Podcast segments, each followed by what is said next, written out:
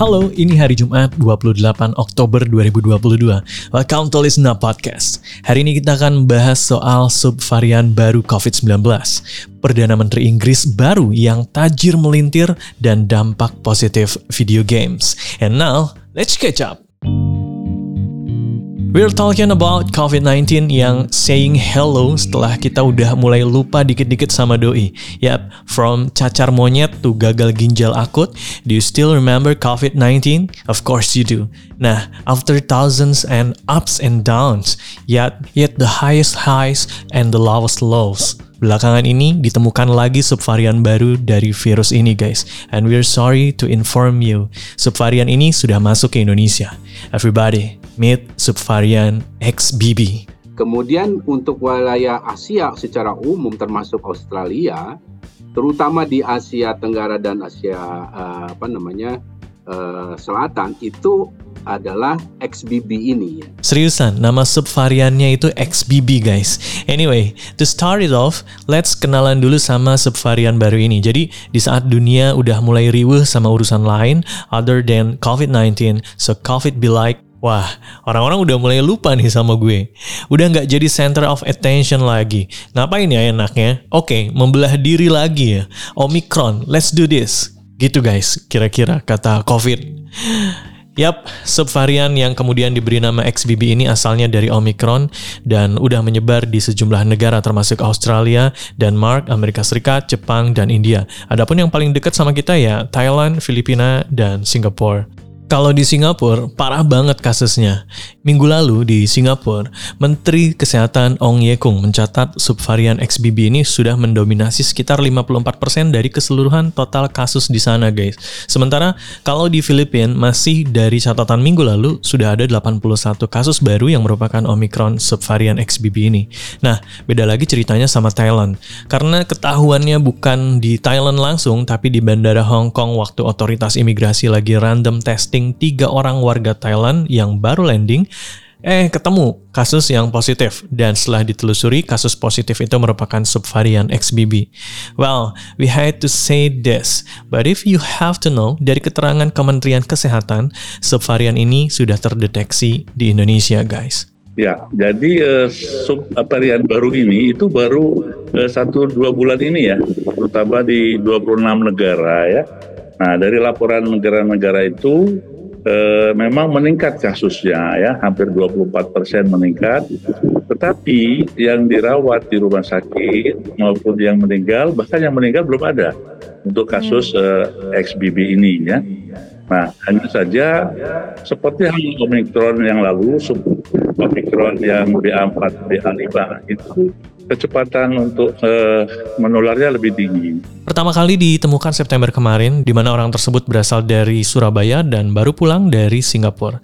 Gak cuma itu, ada satu orang lagi dari Jakarta yang juga balik dari Singapura terdeteksi positif COVID sevarian XBB ini. Terus dari situ kasusnya semakin berkembang dan udah ada lagi tiga orang lainnya merupakan transmisi lokal dari Jakarta. Dr. Muhammad Syahril Jubir Kemenkes menyebut Keempat orang ini sudah menjalani isolasi mandiri dan sekarang sudah sembuh.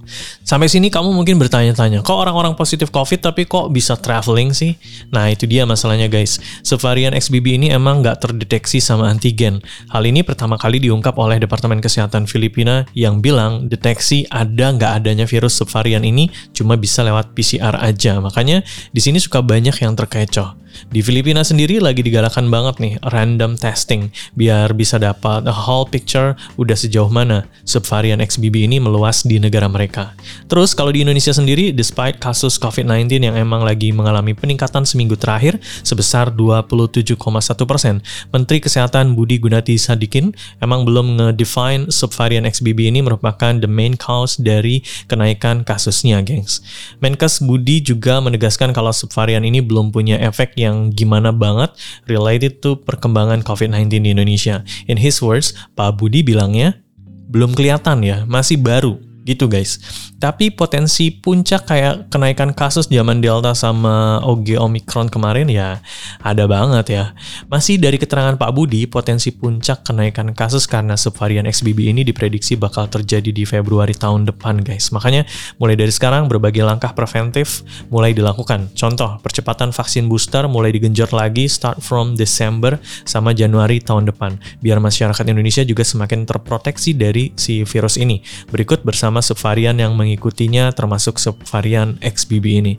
Nah, seiring dengan subvarian XBB yang udah mulai masuk Indonesia, pakar pulmonologi dan kedokteran respirasi Profesor Chandra Yoga Aditama menyebut kalau bisa aja subvarian lain menyusul masuk ke Indonesia. Namanya subvarian XBC dan subvarian XBC ini sudah menjangkit sebanyak 193 orang di Filipina. Makanya Indonesia bisa aja kena. Dari situ, Profesor Chandra mengingatkan kalau kita emang kudu fasten the seat belt lagi in terms of penanganan COVID-19 biar nggak ada gelombang-gelombang berikutnya lagi gitu. By the way, yang belum vaksin booster di sini siapa nih? Ayo. Well, dari beberapa waktu lalu sampai sekarang stok vaksin di berbagai daerah tuh mulai menipis bahkan kosong guys, termasuk di Jakarta.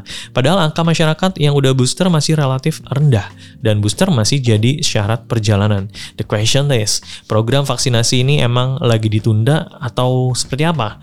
To answer that question, Kepala Biro Komunikasi dan Pelayanan Publik Kemenkes Siti Nadia Tarmizi bilangnya, program vaksinasi nggak pernah ditunda. Lebih jauh, soal stok yang udah banyak menipis bahkan kosong, Bu Nadia bilang pihaknya bakal melakukan relokasi dari daerah yang stoknya masih banyak ke yang lebih butuh butuh. Habis itu lanjut lagi di Desember dan Januari di stok lagi sesuai keterangan Menkes Budi. Lanjut, kita mau kenalin kamu semua Rishi Sunak, orang keturunan India yang akhirnya resmi jadi Perdana Menteri baru bagi Inggris.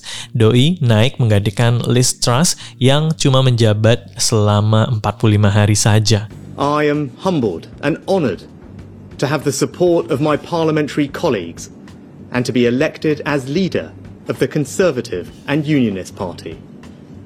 It is the greatest privilege of my life to be able to serve the party I love and give back to the country I owe so much to. Inggris ini emang lagi nyari perdana menteri baru sejak Liz Truss mengundurkan diri beberapa waktu lalu. Muncul tuh sejumlah nama yang jadi kandidat. Tapi akhirnya nama Rishi Sunak yang menang karena kandidat lainnya mundur dari persaingan. As we all know, Inggris sendiri kondisinya lagi kacau balau. Ekonominya berantakan, resesi di depan mata. Nah, Sunak sendiri sih bisa dibilang nekat ya. Soalnya dia harus memimpin di saat kondisi Inggris lagi parah-parahnya. The question is, Kenapa Doi mau-maunya jadi Perdana Menteri di dalam kondisi yang lagi kacau kayak gitu? Walaupun mungkin jawabannya akan klise, tapi emang privilege jadi Perdana Menteri Inggris tuh nggak main-main guys. Mulai dari rumah mewah di pusat kota London, ratusan staff, perjalanan pribadi, dan hangout sama Raja Charles III di setiap weekend. Pasti kelihatan menggiurkan ya, tapi kayaknya Rishi Sunak bukan tipe orang yang tergiur dengan fasilitas kayak gitu. Why? Kamu harus tahu nih guys, Rishi Sunak basicnya emang udah crazy rich banget. Dia bahkan lebih kaya dari King Charles. Bayangin aja deh, ketika kamu lebih kaya dari orang nomor satu di negara itu, kebayang banget gak sih tajirnya kayak apa? Kayak Sultan Andara, Sultan Bintaro, sampai Sultan Menteng itu udah lewat semua ya. Makanya ini jadi pertanyaan juga. It is good thing or bad thing? So all that said, um, how will he connect with people in the UK who are struggling under massive cost of living. Well, that's right. It can work two ways, Ros. There will be people who think he's elitist, he's worth billion plus dollars with his wife, Akshata. Uh, her father was started Infosys in India, considered the Bill Gates of India. Either he can be out of touch and elitist and not understand, or people his supporters could argue as someone who's worked in the finance business, he knows the economy well. Mm. He knows how to get it back on track. Clearly, Liz Truss didn't. Kekayaan Sunak dan istrinya, Aksata Murti, kalau digabungin mencapai 730 juta pound sterling atau sekitar 12,9 triliun pada tahun 2022. Dia otomatis jadi orang terkaya ke 222. Bahkan dia berhasil berada di atas Charles III yang kekayaannya senilai 600 juta dolar, sekitar 8,88 triliun saat naik tahta. FYI, istrinya juga nggak main-main sih.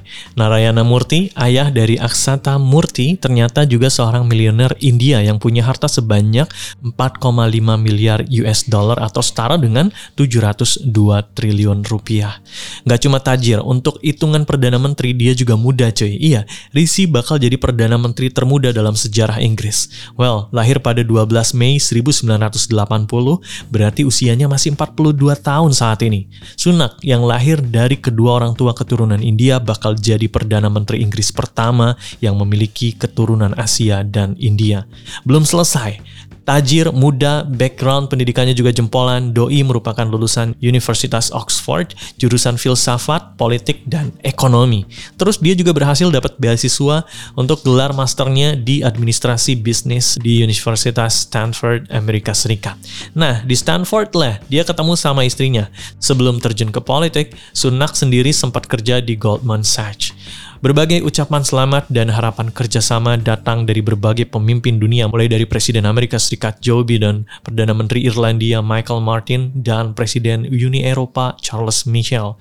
Tapi yang jelas, PM India Narendra Modi serta warga India sih girang abis setelah Sunak terpilih. Dalam tweetnya, Modi sendiri bilang kalau dia sangat berharap untuk melakukan kerjasama secara erat dan mendekatkan hubungan antara warga India dan Inggris. FYI, Rishi Sunak sendiri resmi dilantik sebagai Perdana Menteri pada Selasa kemarin. Sebelumnya, dia sih udah sempat sowan dulu ya ke Raja Charles III, sekalian minta izin untuk membentuk pemerintahan baru. Nah, di waktu yang berdekatan, Liz Truss pun menyampaikan pidato perpisahannya.